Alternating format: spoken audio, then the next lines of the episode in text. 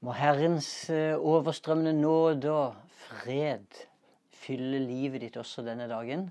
Og det er en glede for meg å ta deg med inn i nok et vers fra Gamle Testamentet som handler om Jesus i denne serien 366 dager om Jesus i Gamle Testamentet. Vi er ved dag 75 og leser fra 2. Mosebok kapittel 31 og vers 15. I seks dager kan det gjøres arbeid, men den sjuende dagen skal være sabbat, en hellig hviledag for Herren. Hver den som gjør noe arbeid på sabbatsdagen, skal dø. Tittelen i dag er 'En hellig hviledag for Herren'. Sabbaten den ble gitt til menneskene som en velsignelse fra Gud. Det skulle være en hviledag der både mennesker og også dyr skulle puste ut fra et strevsomt arbeid. Men dette er jo ikke hele bildet, for hviledagen ble kalt hellig fordi den var tilegna Herren først og fremst. Hviledagen ble framfor alt feira for ham. Og så fulgte det med mange goder, men den ble feira for ham. I 2. Mosebok 35 det står i seks dager kan det arbeides, men den sjuende dagen skal være hellig for dere. Det skal være en sabbat, en hviledag for Herren. Hver den som gjør noe arbeid på den, skal dø. De første kristne de forsto også denne koblinga mellom hviledagen og Herren i møte med fariseernes strikse og nesten umenneskelige regler, så hadde jo Jesus slått fast at sabbaten ble til for mennesket, og ikke omvendt. Det dreide seg også om at sabbaten ble til for mennesket Sønnen. Det er kanskje mest riktig å si. For han er herre over sabbaten, og den som vi ærer og tilber spesielt denne dagen.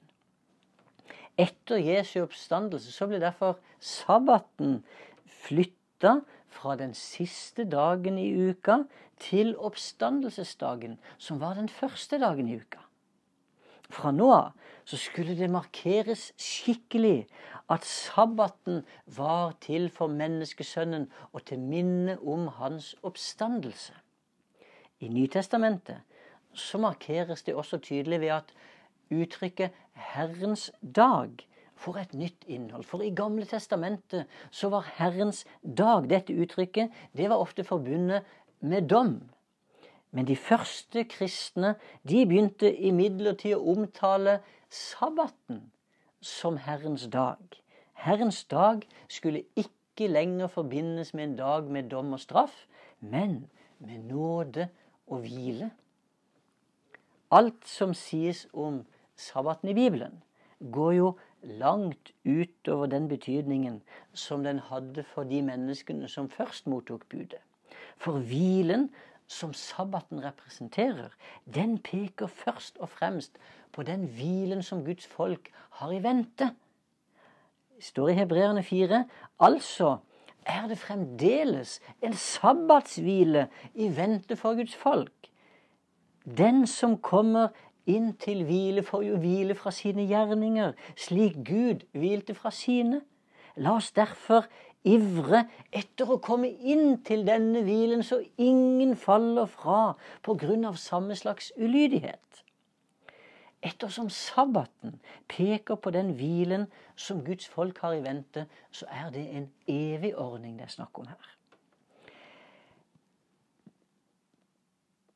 Israelittene de skulle ta vare på sabbaten, og de skulle holde den i slekt etter slekt som en evig pakt, står det i 2. Mosebok 31. Og den skal være et tegn som er mellom israelitten og Gud, sier han. Men den evige ordningen, når det er snakk om sabbaten, det var jo ikke at sabbaten måtte feires på lørdagen. Men og at de jødiske skikkene og med alle de restriksjonene som fariseerne fikk inn der etter hvert, skulle følges. Den evige ordningen er jo først og fremst kobla til hvilen i Gud. Sånn som han hvilte den sjuende dagen og liksom pusta ut etter alt han hadde gjort, så skulle også hans folk ha en hvile i vente. En gang i uka så blir vi faktisk spesielt minnet om dette her. For hver gang vi feirer vår sabbat til minne om Jesu døde oppstandelse fra de døde, eh, ja, så blir vi også påminnet om den store sabbaten som vi har i vente. Her snakker vi ikke bare om en dag i uka, men om en evig sabbat. Fariseerne de var opptatt av å følge visse menneskeskapte regler som gjaldt spesielt for sabbaten. Jesus han fokuserte på Guds gode ordning med hvile for menneskene. Han er jo den som gir hvile til alle utslåtte og trøtte og, og fornedra mennesker. Og Derfor var det jo Jesus han kunne si og uttale det som egentlig alle mennesker lengter etter. Kom til meg, alle dere som bærer tunge byrder, og jeg vil gi dere hvile. Løftene Jesus ga, det har selvsagt sin, sin berettigelse allerede i dette livet. Allerede her og nå kan vi hvile i ham. Men oppfyllelsen av denne hvilen, den vil vi jo først og fremst se fullt ut i det nye Gudsriket. Og ettersom vi ennå ikke har nådd fram til denne hvilen, så, så, advares vi altså i Guds ord mot å bli liggende etter. For tvert imot så må vi være på vakt, sånn at ikke vi går glipp av det løftet som er gitt i Guds ord om hvilen.